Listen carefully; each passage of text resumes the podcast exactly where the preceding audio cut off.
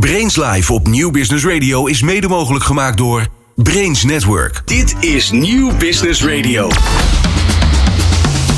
Welkom bij Brains Live. In dit programma op Nieuw Business Radio hoor je hoe het onderwijs wordt ondersteund bij het digitaliseren en optimaliseren van leerprocessen, waarbij de student centraal staat. Presentatie Robert van den Ham en Geert-Jan van der Snoek. Goedemorgen en welkom bij Brains Live, het radioprogramma over innovatie en digitalisering in het onderwijs. We zijn er op Nieuw Business Radio elke derde vrijdag van de maand met gasten uit onderwijs, bedrijfsleven en politiek. In deze uitzending is het thema innovatie en veilige inzet van digitale middelen in het onderwijs. Omarmen we de vooruitgang of we praten erover met Michael Maasdam van KPN en Diane Janknecht van Wisenose. Michael verbindt binnen KPN ecosystemen in de publieke en private sector. En dat met als doel dat we allemaal meer data delen en daarbij zelf de regie houden.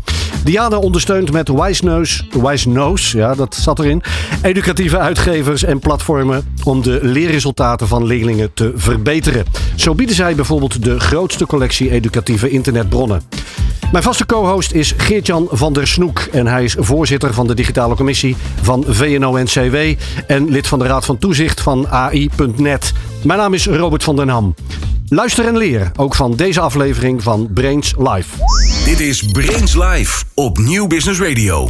En we beginnen altijd in Brains Live met het nieuws van de week. En daarmee confronteren we dan de studiogasten. In dit geval Michael en Diane. Michael, jouw nieuws van deze week? Ja, wat, wat mij heel erg opviel is dat deze week Snapchat in het nieuws was. Uh, Snapchat, nou dat kennen jullie allemaal. Wereldwijd meer dan 300 miljoen gebruikers. En die hebben even alsof het niks is een AI-hulpje uitgerold. En er zijn nu al kinderen die hun huiswerk met dat AI-hulpje doen, uh, Robert. En dat gaat snel en eigenlijk uh, ongevraagd bijna. Dat is het. Weet je, wie, wie heeft hierover nagedacht? We doen het gewoon. Confronterend, Diane?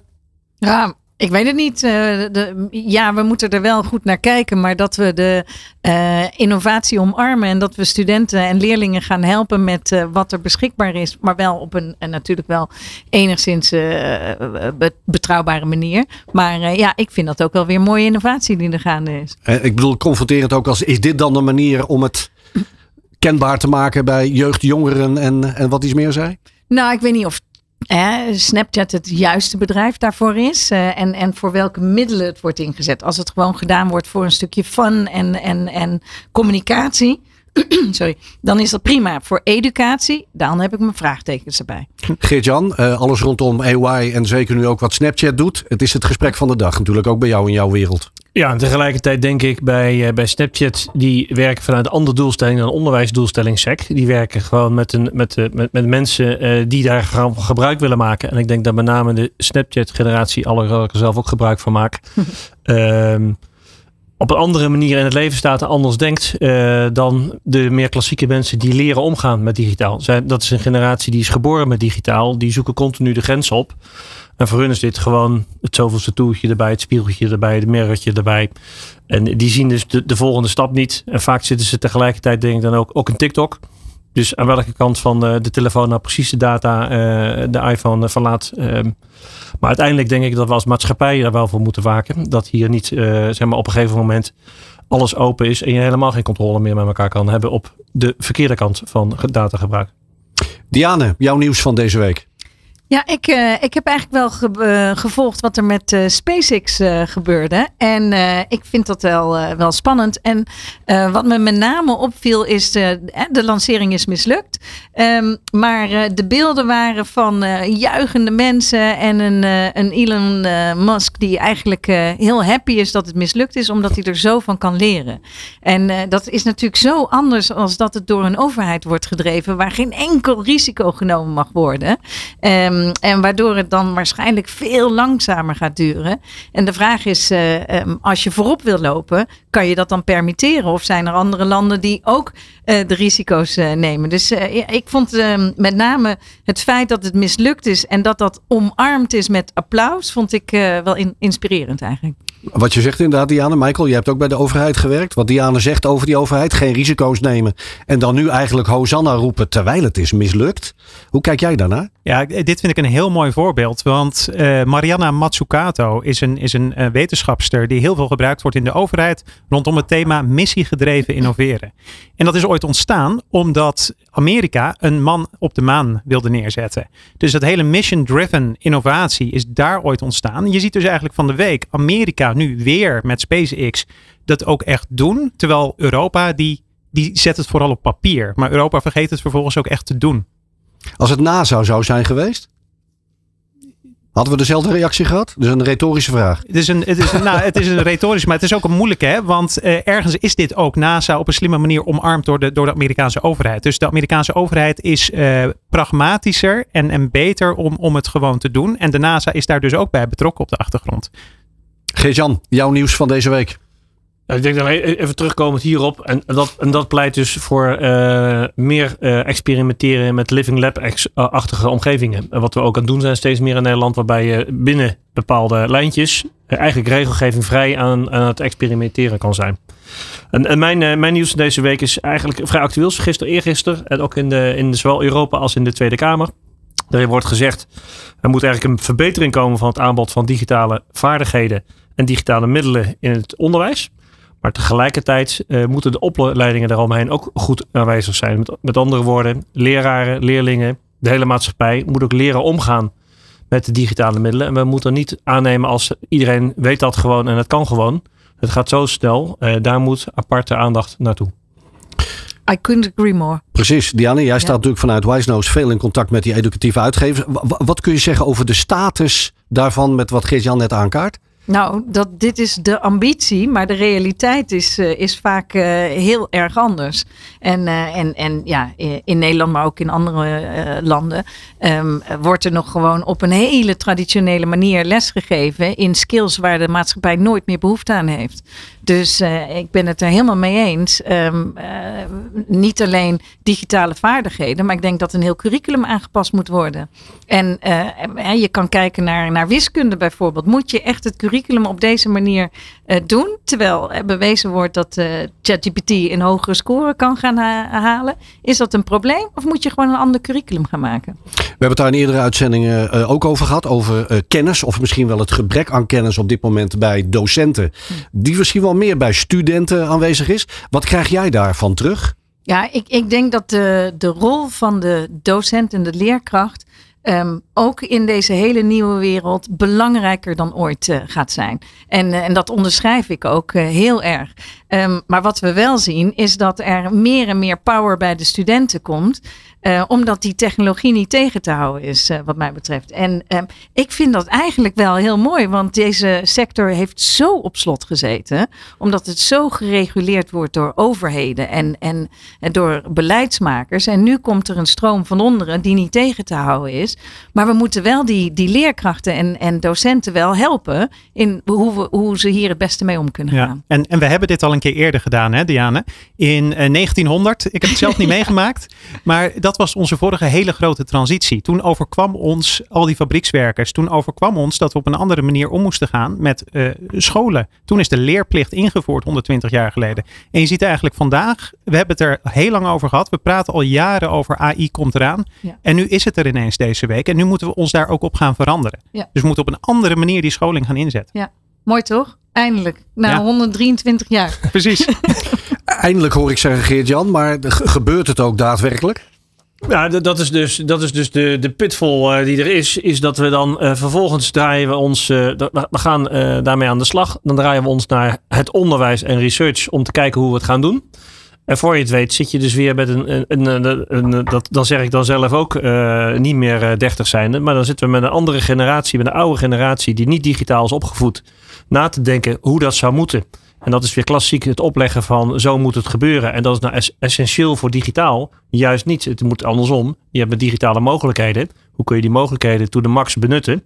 En misschien daaromheen wat, wat, wat, wat, wat zekerheden bieden. Het menselijk maken van de mogelijkheden. Ja, want die snelheid, Diane, het, woord omarmen hebben we net al even gebruikt. Gaan we vast nog meer uh, benoemen in deze uitzending. Maar voldoet dat nu echt, dat omarmen? Zijn we daar echt wel op de goede manier, op het goede moment mee bezig nu? Nou, absoluut niet. Dus het antwoord is heel duidelijk nee. Um, maar nu laat. Uh, dus ik denk dat iedereen verrast is over de snelle adoptie van ChatGPT. Dat, uh, dat uh, niemand had kunnen voorspellen dat er zoveel honderden miljoenen mensen er gebruik van maken. Um, zijn wij al in staat om dat te omarmen? Nee, want deze hele sector die beweegt gewoon in, in, niet in weken, in maanden, maar in jaren. Dus uh, daar moet nu wel versnelling uh, gaan komen. En door introducties zoals dit uh, kunnen we dat hopelijk een keer een beetje in, in gang zetten. Michael? Ja, hier stip je wel echt een belangrijk punt aan. Want iedereen die in Nederland geboren wordt, heeft recht op gelijke kansen en gelijkwaardig onderwijs. Maar wat je nu ziet, en dat heb ik ook gemerkt toen ik bij Binnenlandse Zaken aan het werk was. Er zijn heel veel zorgen in Nederland over een groeiende kloof. En wat gebeurt er nu met deze enorme versnelling van digitalisering? Als jij het geluk hebt dat je wieg op de juiste plek staat en jouw ouders die zijn heel digital savvy, dan word je meegenomen. Maar wat als je niet die omgeving hebt? Daar kies je niet voor als kind. En dan moet toch de overheid en de onderwijssector moet instappen en regie pakken. En dat gebeurt nu echt onvoldoende. Ja, dat, uh, dus de, uh, eens. Um, aan de andere kant, ja, um, ik ben heel veel in India ook over uh, kloof gesproken. En um, eh, daar zijn natuurlijk honderden miljoenen kinderen die met educatie bezig zijn.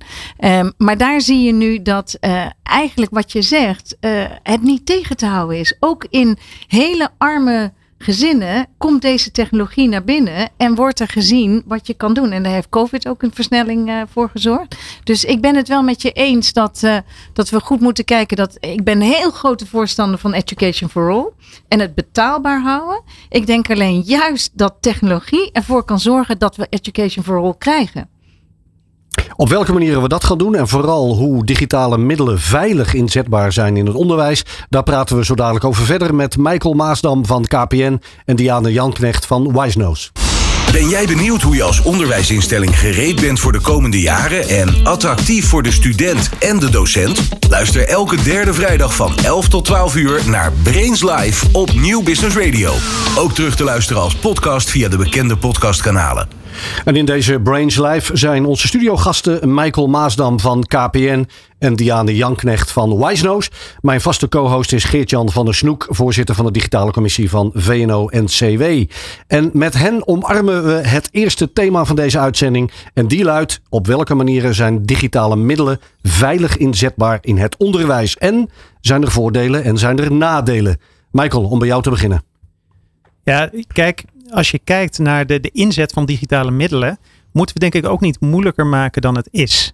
Um, als je het nou hebt over digitale middelen, dan ga je vaak naar de cloud. Hè? En de cloud klinkt heel abstract, maar de cloud is eigenlijk niets meer dan een computer. Alleen is die computer niet van jou. Die computer die staat ergens anders. En dat is een voordeel, want daarmee kan je heel veel nieuwe toepassingen. Dan kan je heel veel kennis met elkaar delen. Maar dat kan ook een nadeel zijn, want ben je wel bewust wat er, uh, waar die computer staat en wat je ook aan toestemming geeft aan die computer om met jouw data te doen? Ik vrees dat het antwoord veelal al nee is.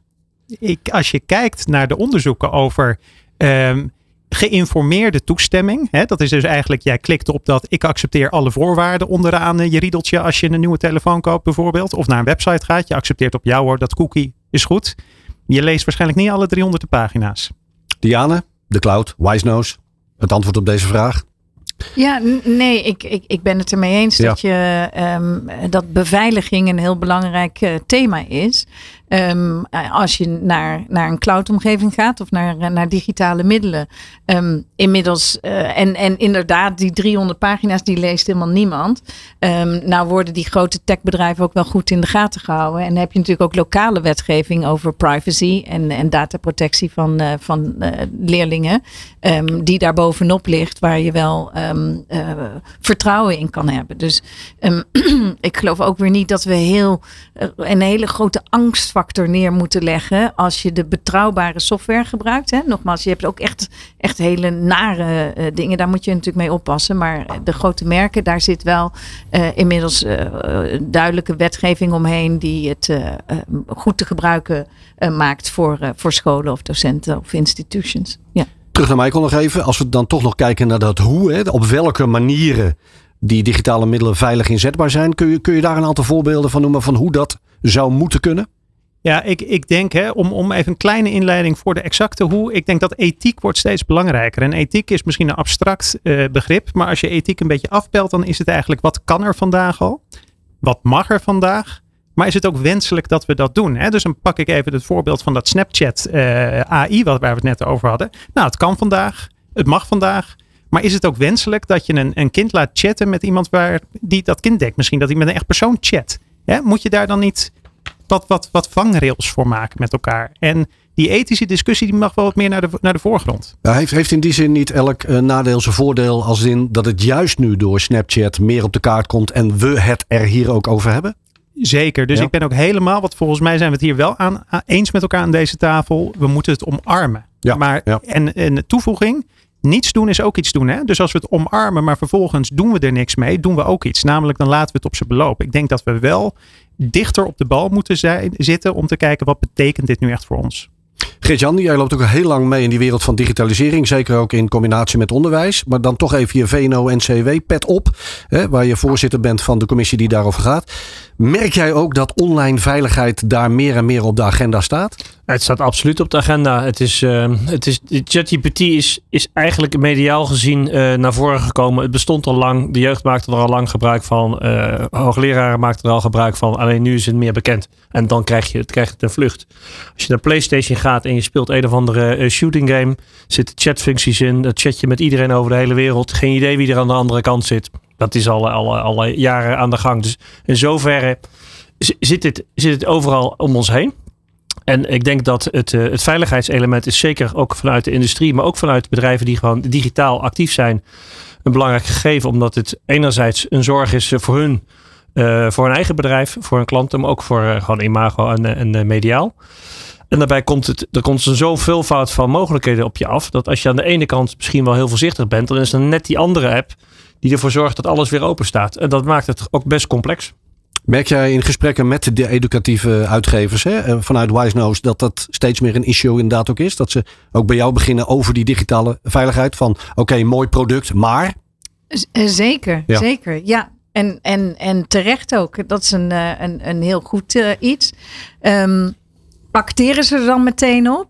En acteren ze op de snelheid die er nu uh, nodig is? Um, nou, daar, uh, daar heb ik wel mijn vraagtekens. Ja, dan is de eh, cirkel weer rond, hè, Michael? Want dan hebben we het weer over kennis. En waar begint die kennis? Hm. Ja, en, en dan ga ik ook terug naar wat wij bij KPN zien. We hebben een hele grote cybersecurity tak binnen KPN. En je ziet dat het grootste, de grootste uitdaging is echt bewustwording. Bewustwording van heel Nederland dat het aantal hacks enorm toeneemt. En wat gebeurt er op het moment dat jij erdoor getroffen wordt, persoonlijk of je bedrijf? En die voorlichting en ook de, de noem ik even de, de simpele trucjes uh, wat je ziet vaak als je gehackt wordt, is het toch een, een, een menselijke factor. Hè? Je, je neemt toch ergens de telefoon op of, of er komen een paar dingen samen waardoor je in één keer gehackt wordt omdat mensen, uh, doordat je gehackt bent, hebben ze informatie, ze bellen je op en ze weten ineens alles van je. Je vertrouwt die mensen. En voordat je het weet, word je gehackt. De human, de human in the loop is ook vaak degene waar de hack plaatsvindt. Dat bewustzijn is wel, dat kan hoger, laat ik het zo zeggen. Laten we daar binnen cloud computing er eens uithalen. Uh, want uh, dat betekent eigenlijk dat studenten en doc docenten gemakkelijk toegang kunnen krijgen tot hun gegevens en bestanden. Waar ze dan ook zijn. Hoe snel gaat dat? En meteen dan vraag 1b erbij, Michael. Uh, hoe, hoe veilig dan? En realiseren we ons dat wel met z'n allen?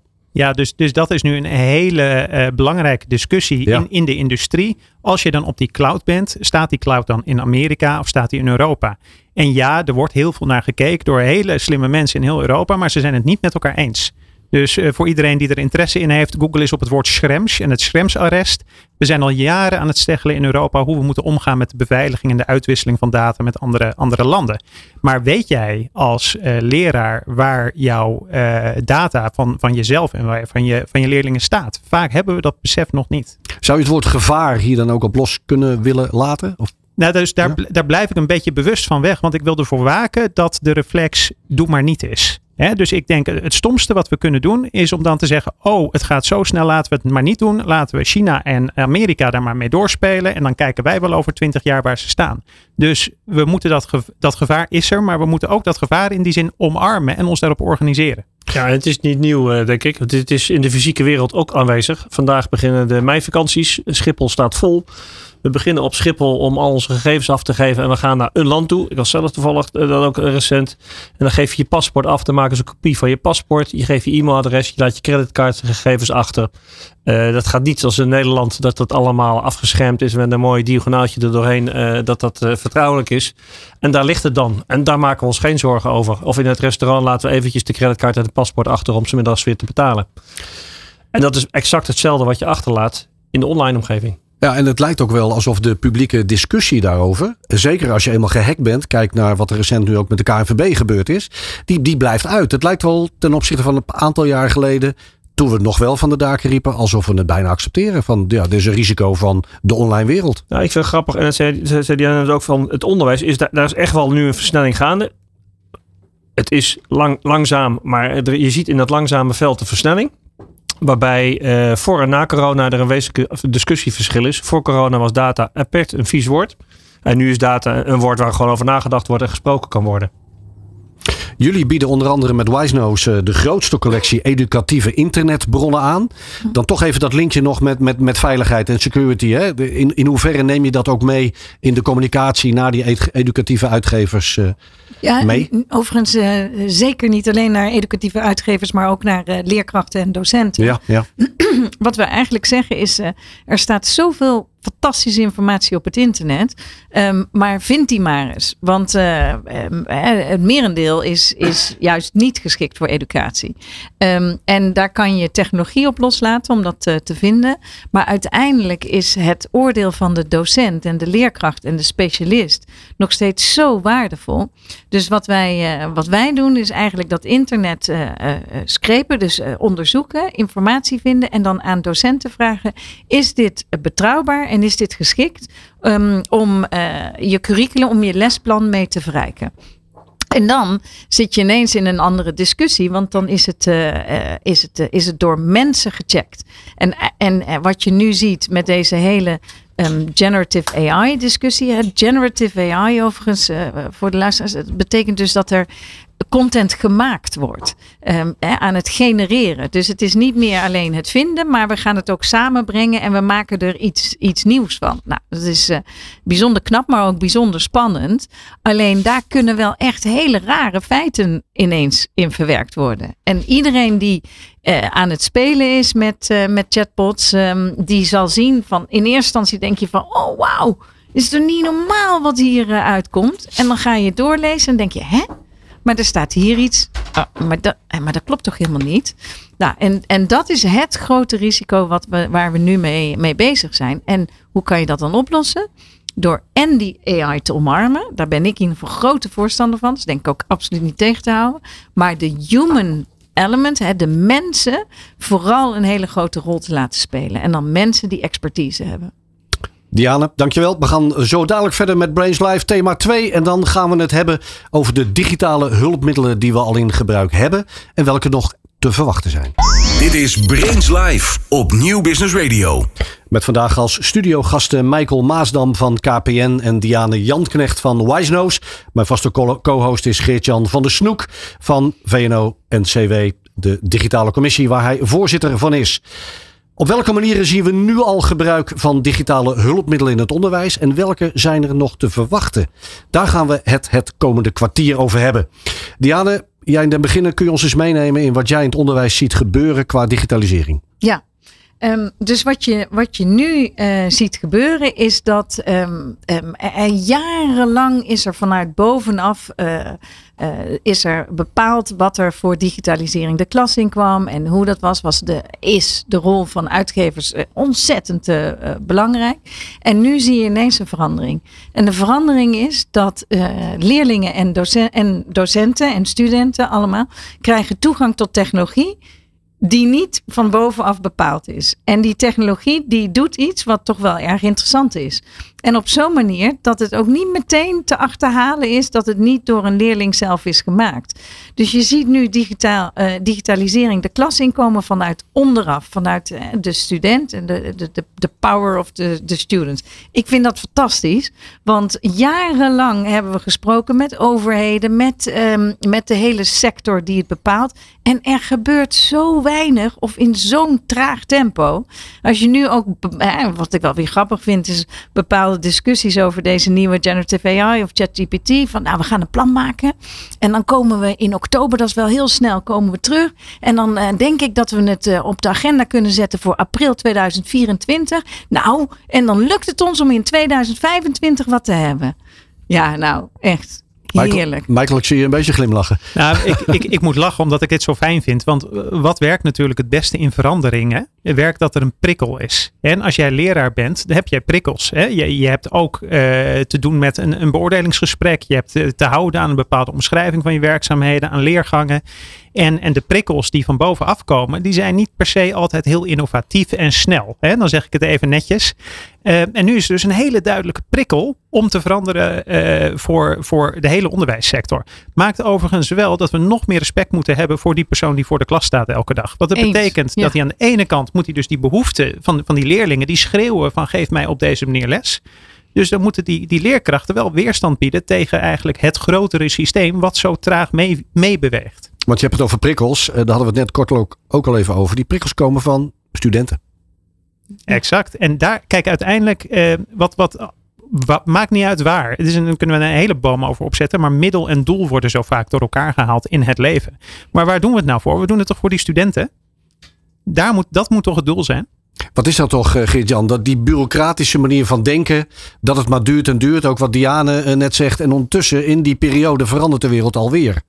Ja, ik denk, ik denk dat dat, de, een, een soort van uh, um, paradigma shift die nodig is in het denken. Is dat je uh, niet meer klassiek kan denken. Dat je iets vorm geeft en, en uitwerkt, et cetera. Maar dat je het andersom draait. Dat het ontstaat en je gaat het meteen gebruiken. En in zijn gebruik gaat het zichzelf bewijzen. Dat betekent bijvoorbeeld in het onderwijs dat die digitale middelen zijn er. Er is een veelvoud aan digitale middelen aanwezig. Veel meer dan we op dit moment gebruiken. Uh, laten we daar gaan gebruiken. En dat betekent dat heel veel dingen die op dit moment klassiek gebeuren. Uh, uh, lesgeven klassiek, voor de klas klassiek, huiswerk klassiek. Dat dat voor een stukje digitaal kwam. Maar dat de, de leraarfactor die blijft. Maar die gaat een andere plek innemen. Dat is ook een coachende functie. En je hebt dus ook veel meer tijd om de verschillen in het onderwijs aandacht aan te gaan spenderen. Diane? Ja, dat, daar ben ik het dus heel erg mee eens. Dat um, de rol van de docent die uh, verandert, die wordt er absoluut niet minder belangrijk om. Hè, want dat is angst bij sommige mensen van uh, eigenlijk uh, de, de, technologie gaat de rol van de docent of leerkracht overnemen. Absoluut niet. Maar de rol verandert wel. Het inderdaad um, één lesmethode voor een hele klas. Nou, dat is niet meer nodig. Je kan veel meer gaan personaliseren. Je kan veel meer gaan kijken naar dit kind heeft dit nodig, dat kind heeft dat nodig. Daar kan ik op inspelen. Maar ik denk dat we ook um, uh, kunnen gaan kijken hoe we uh, de next generation gaan opleiden tot banen waar we echt behoefte aan hebben. En dus, um, nou, uh, ik heb zelf kinderen op het gymnasium zitten, maar die horen echt niets over coderen. En ja, de, de hele uh, um, kranten staan er vol van hoeveel banen gaan er verloren door uh, generative AI, door, door ChatGPT. Maar er zijn een heleboel programmeerders voor nodig. Laten we dan daar goed naar gaan kijken. Ja, ja en, en los even van de kinderen op het gymnasium en, en programmeerders. Kijk, die technologie uh, die, die verandert. Maar het is hoe gaan we ermee om? En het, het beeld wat ja. jullie schetsen, dat we sommige dingen nog niet doen, zoals dat coderen of dat we heel gepersonaliseerd aanbod kunnen doen, dat is allemaal waar. Maar er zit ook een heel groot gevaar in die toepassing van technologie. Want je kan zo meteen elke leerling in Nederland met elkaar vergelijken real time. Je kan er ook voor kiezen om een soort, soort run op het gemiddelde te, doen. Hè? Dus dan krijg je zo meteen een staatje en dan wordt, wordt elk kind langs een soort meetlat ge, gelegd naar ten opzichte van het gemiddelde doe je het zoveel beter of slechter. Uh, maar we zijn allemaal individuen en unieke mensen. Dus er zit ook een gevaar in de verkeerde toepassing van die technologie. En ook heel belangrijk, hè? Uh, juist de praktische scholing en uh, juist er is geen lager onderwijs. Er is ja. gewoon heel veel behoefte zometeen aan een serviceindustrie die zich ontwikkelt. En hoe gaan we ons daartoe toe verhouden? Ook dat zijn allemaal beroepen die later met digitalisering te maken krijgen. Diane? Ja, en daar zie je een, eh, een nieuwe trend en die omarm ik heel erg. En dat is wel een Amerikaanse term, maar dat heet uh, PedTech. En dat staat voor Pedagogy First, Technology Second. Dus er nog steeds de behoefte om goede educatie te geven, wel vernieuwde educatie. Zet dat voorop en zorg ervoor dat de technologie het gaat ondersteunen en niet dat technologie de, uh, de driver wordt en dat we het pedagogische verhaal uit het oog verliezen. Nou, en daar moeten we die docenten echt bij helpen. Want ik begrijp ook heel goed dat als jij de hele dag voor de klas staat en dit ook allemaal moet begrijpen, dat je wel hulp nodig hebt van oké, hoe dan? Als het allemaal verandert, help me hoe ik um, um, uh, dat kan uh, veranderen. Want op een traditionele manier les blijven geven en vragen aan een, aan een kind thuis, maak een werkstuk. Dat zou ik niet adviseren. Maar wat ik wel zou adviseren, om één tip te geven, is dat je het bijvoorbeeld wel laat doen.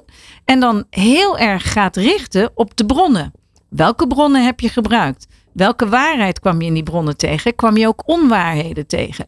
Vergelijk het eens met uh, als een uh, computer het maakt, met generative AI. Laat ChatGPT een stuk schrijven. Zie jij waar het niet klopt? Dat soort manieren. Dan, dan omarm je de technologie, maar geef je wel um, de, het pedagogische sausje eraan. Een voorbeeld van zo'n digitale ontwikkeling die hier wellicht ook bij aansluit is gamification. Eh, met andere woorden het gebruik van spelletjes en game-elementen in het onderwijs in dit geval. Eh, dat gaat het leren wellicht wat leuker en ook interessanter maken. Kan helpen bij het verbeteren van de betrokkenheid en motivatie van studenten. Uh, ik poneer hem als een stelling. Michael, eens? 100% eens. Ja. Diane? Zeker. Ja. En maar is één van de vele uh, manieren om, uh, om onderwijs te personaliseren. Maar is dit er zo eentje waarmee we het wat dichterbij, wat leuker maken, omdat juist dat game-element erin zit, Michael? Zeker. Kijk, uh, spelenderwijs leren. Hè? Wat, wat is nou leuker dan, dan plezier hebben en er wat van opsteken ook? Als je nu kijkt naar vandaag de dag, hebben heel veel mensen het over digital twins. SimCity. Precies. Ja, Diana? Ja, ik, uh, ik vind het altijd wel interessant om dat te vergelijken met wat ik zie in India. Want um, um, heel kort, ik denk dat, uh, wat, dat er in India nu studenten opgeleid worden die werkelijk uh, de top of the bill zijn. Als je, die, als je de toelatingsexamens laat doen op de, de hoogste universiteiten in Amerika, komen zij uh, er bovenuit. Maar daar zie je dat er enorme focus is op cijfers. Cijfers, cijfers. En oefenen, oefenen, oefenen om zo'n hoog mogelijke score te halen. De keerzijde is, is dat al het plezier weg is bij die leerlingen. De druk niet te geloven is op hun um, uh, mentale uh, gesteldheid. En dus die balans eigenlijk helemaal weg is. En als je die twee in balans kan gaan brengen, wel goede educatie, maar ook um, met een uh, mentaal gezonde situatie en het leuk maken, waardoor je kan zien van, oh, dit kind vindt het leuker om om die hoek door te gaan en dit, deze student vindt het mooi om daarin door te gaan, dan heb je een goede balans te pakken. Helemaal gamification, geloof ik niet in. Het hoeft niet altijd leuk te zijn. Je moet ook dingen gewoon leren. Een goed voorbeeld is, ik ben een enorme tegenstander van leerlingen alleen maar video's te laten geven. Een kind of een student moet gewoon leren lezen, want daar kom je zoveel verder mee in de rest van je carrière. Als je het aan, aan, aan leerlingen overlaat, zeggen ze: doe maar maar een filmpje. Nou, dat is niet leuk, dat lezen, maar is wel heel erg nodig. Maar dat kan je wel op een hele interessante en, en speelse manier doen. Michael? Ja, en, en over die technologie hè, en de rol daarvan in het leven en het levend onderwijssysteem. Kijk, de, de vraag ook aan de luisteraar is: hoeveel uur per dag zit je achter een schermpje? Nou, ik heb gisteren toevallig op een bijeenkomst waar ik was gehoord dat dat tegenwoordig al 9 uur per dag is. 9 uur per dag achter een scherm. Hè, dat, die hangen overal. Uh, ook hier in de studio kijk ik naar een scherm. Kijk eens om je heen. Ja. Overal zijn schermpjes. Hoe kom je ook los van dat scherm en hoe laat je de technologie jou helpen in plaats van dat jij de technologie helpt? 9 uur per dag, Diane, dat, dat zal vooral kijken en luisteren zijn in plaats van lezen, waar jij net zo op hamert. Nou, dat hoeft niet. Nee, dat hoeft niet. Want dat je uh, in plaats van een fysiek boek pakt, een scherm pakt waar je op gaat lezen, dat, uh, dat, dat, ja, dat kan ook. Als het maar lezen is. Nou ja, lezen is een voorbeeld. Maar ik denk dat lezen wel een belangrijk onderdeel is van je, van je educatie. Net zo goed als uh, leren rekenen. Het uh, basis van leren rekenen. Dat je daarna een rekenbakje pakt. Of hoe heet dat, een rekenmachine. Dat is, dat is prima. Ja, ja. Maar je, de basis moet je wel, uh, wel maar kennen. Het is grappig dat je het zegt. Want de, uit alle onderzoeken blijkt dus dat de basis van rekenen. Leer je op de lagere school, basisonderwijs. En misschien daarvoor ook al. Maar leer je met telramen, met blokken. Dan moet je fysiek met je handen en vormen moet je dat leren. Die, die, die combinatie is fundamenteel. Dus er is, er is echt onderzoek naar gedaan dat als je kinderen alleen maar het via boeken aanbiedt en online aanbiedt en de andere het via blokken aanbiedt, even heel zwart wit uitgedrukt, voor, voor die allerjongste, gaat niet meer voor ons, maar voor die allerjongste, is dat, eh, heeft dat een verschil. Ik kan nog even terugkomen op wat je net zei over uh, gamification, serious gaming. Ja. Open Universiteit maakt daar sterk gebruik van. En het is dus niet alleen maar uh, voor, voor jeugd. Mensen denken dat is voor jeugd leuke spelletjes. Maar het is voor elke leeftijd is dat gezond. Want iedereen heeft een stukje gamification honger in zich. Uh, als je sport, als je wedstrijden ben je ermee bezig. Maar voor hun is het ook heel wezenlijk. Want op, alleen op die manier, en ze gebruiken het bij bedrijfskunde, bij rechten, bij uh, psychologie. Je kan daardoor ook dingen bespreekbaar maken die moeilijker in groepen bespreekbaar zijn. Of je kan, uh, um, je, hebt, je hebt gewoon uh, grote groepen mensen, drie, 400 studenten in Nederland zitten die je niet zomaar kan bereiken. En met, met gamification-achtige technologieën kan je ze veel makkelijker bereiken. Dus het is niet alleen maar leuk en fun, het is uh, leerzaam en het is ook efficiënt voor het onderwijs. Over het bereiken van, van die studenten gesproken en ook de rol van docenten daarbij. Um, een wat bredere ontwikkeling is het collaboratief leren. Mm -hmm. Dus dat studenten kunnen samenwerken aan projecten en opdrachten, waar dan ook. Waar is dan die docent? Als dat meer en meer gaat toenemen, begint het dan bij die docent? Zit die docent er niet meer tussen? Waar begint en eindigt dat? Herkennen jullie deze ontwikkeling? Ja, ik herken het en uh, um, uh, ik blijf uh, heel duidelijk. Die rol van die docent verandert, maar die is cruciaal. En dat gaat in, in mijn optiek ook niet veranderen. Ook al neemt generative AI nog zo'n grote versnelling. Um, alleen hij moet wel veranderen. Dus um, je, je initieert een samenwerking tussen studenten of leerlingen. Maar je moet wel bijsturen. En daar komt die rol van die docent. Dat je moet kijken waar gaat het mis of waar kan het sneller. Of hoe is de samenwerking tussen die, die mensen in dat, in dat groepje. En daar het pedagogische overheen doen. Ja. Die rol. Die, en dus technologie kan zorgen dat een docent niet meer al die administratieve rompslomp hoeft te doen. En dit bijhouden en dat bijhouden. Maar echt kan doen waar hij of zij voor opgeleid is. Het beste uit onze studenten halen. Jan? Ja, ik heb een, een, een, goede vriend van mij, is, is docent, natuurkunde, wiskunde. En uh, die loopt daar duidelijk in voorop. Die zit dus s'avonds thuis in die groepen. Uh, en dan, dan mogen de leerlingen vaak zelf kiezen op welke, welke manier ze met elkaar willen communiceren. En daar werkt hij mee. Dus hij werkt niet mee in de opdracht. Maar hij zegt, heb je als daar of daar gekeken? Of ja. je bent nu hiermee bezig. Ik zou daar aan denken. En het is dus een hele andere vorm van uh, doseren. Het is uh, meer coaching, dat is grappig, tussen bedrijfsleven en onderwijs. Die kunnen echt veel van elkaar leren. Want feitelijk, als je in groepen werkt en hier heeft een mond vol in het bedrijfsleven van agile en weet ik het allemaal. Maar dat is ook een coachende stijl. En dat is feitelijk in het onderwijs ook. En dan komt de leraar ook echt tot zijn recht. Want die is niet alleen maar aan het oplepelen wat hij ooit een keer geleerd heeft. Die kan toepassen. Die kan zien dat de ene student ietsje meer aandacht nodig heeft dan de andere. En is dus actief aan, aan, het, aan het interacteren. Deels fysiek in een, in een, in een, klas, in een, klas. Deels in een uh, communicatieve vorm via digitale middelen. Het blijft terugkomen ook in deze uitzendingen. Deze discussie van kennis waar wel en, en waar niet. Nogmaals, jij zit kort op de educatieve uitgeverijen. In hoeverre kan Wisenose daar een, een rol in spelen? Om het op de kaart te blijven zetten? Nou ja, Wisenose en, en, en andere um, adtech bedrijven, die ja. zullen gewoon uh, zorgen dat er druk gezet wordt op het hele traditionele uitgeven van boeken. Um, en nee, dan is er nu de innovatie digitaal boek. Maar soms is dat gewoon een soort van pdf en dat gaat wel ietsje verder. Maar er, er kan natuurlijk veel meer. Dus dat er uh, druk blijft komen van uh, innovatie, ben ik grote voorstander van. Um, maar ook dat, dat pedagogische wel heel erg centraal blijft staan. En dat de kracht van, die, van uh, de experts, docenten, leerkrachten, ook heel erg centraal blijven staan. Maar op die manier, ja, ik vind het fantastisch dat er nu uh, door de studenten, leerlingen, een verandering geforceerd gaat worden. ja, ik vind dat wel mooi. Eindelijk zou ik zeggen. Michael, je knikt. Ja, uh, helemaal eens. En, en ik denk dat ik daar ook een toevoeging nog op heb. Hè, van, van wat is nou dat, dat perspectief uh, voor uh, docenten? Is het, het repetitieve, het saaie werk verdwijnt. Mijn moeder die heeft altijd voor de klas gestaan. Ik schrok er altijd van hoeveel tijd er ging zitten in het corrigeren van proefwerken. In het overleggen met de sectie over hoe gaat dit proefwerk er deze, deze maand uitzien.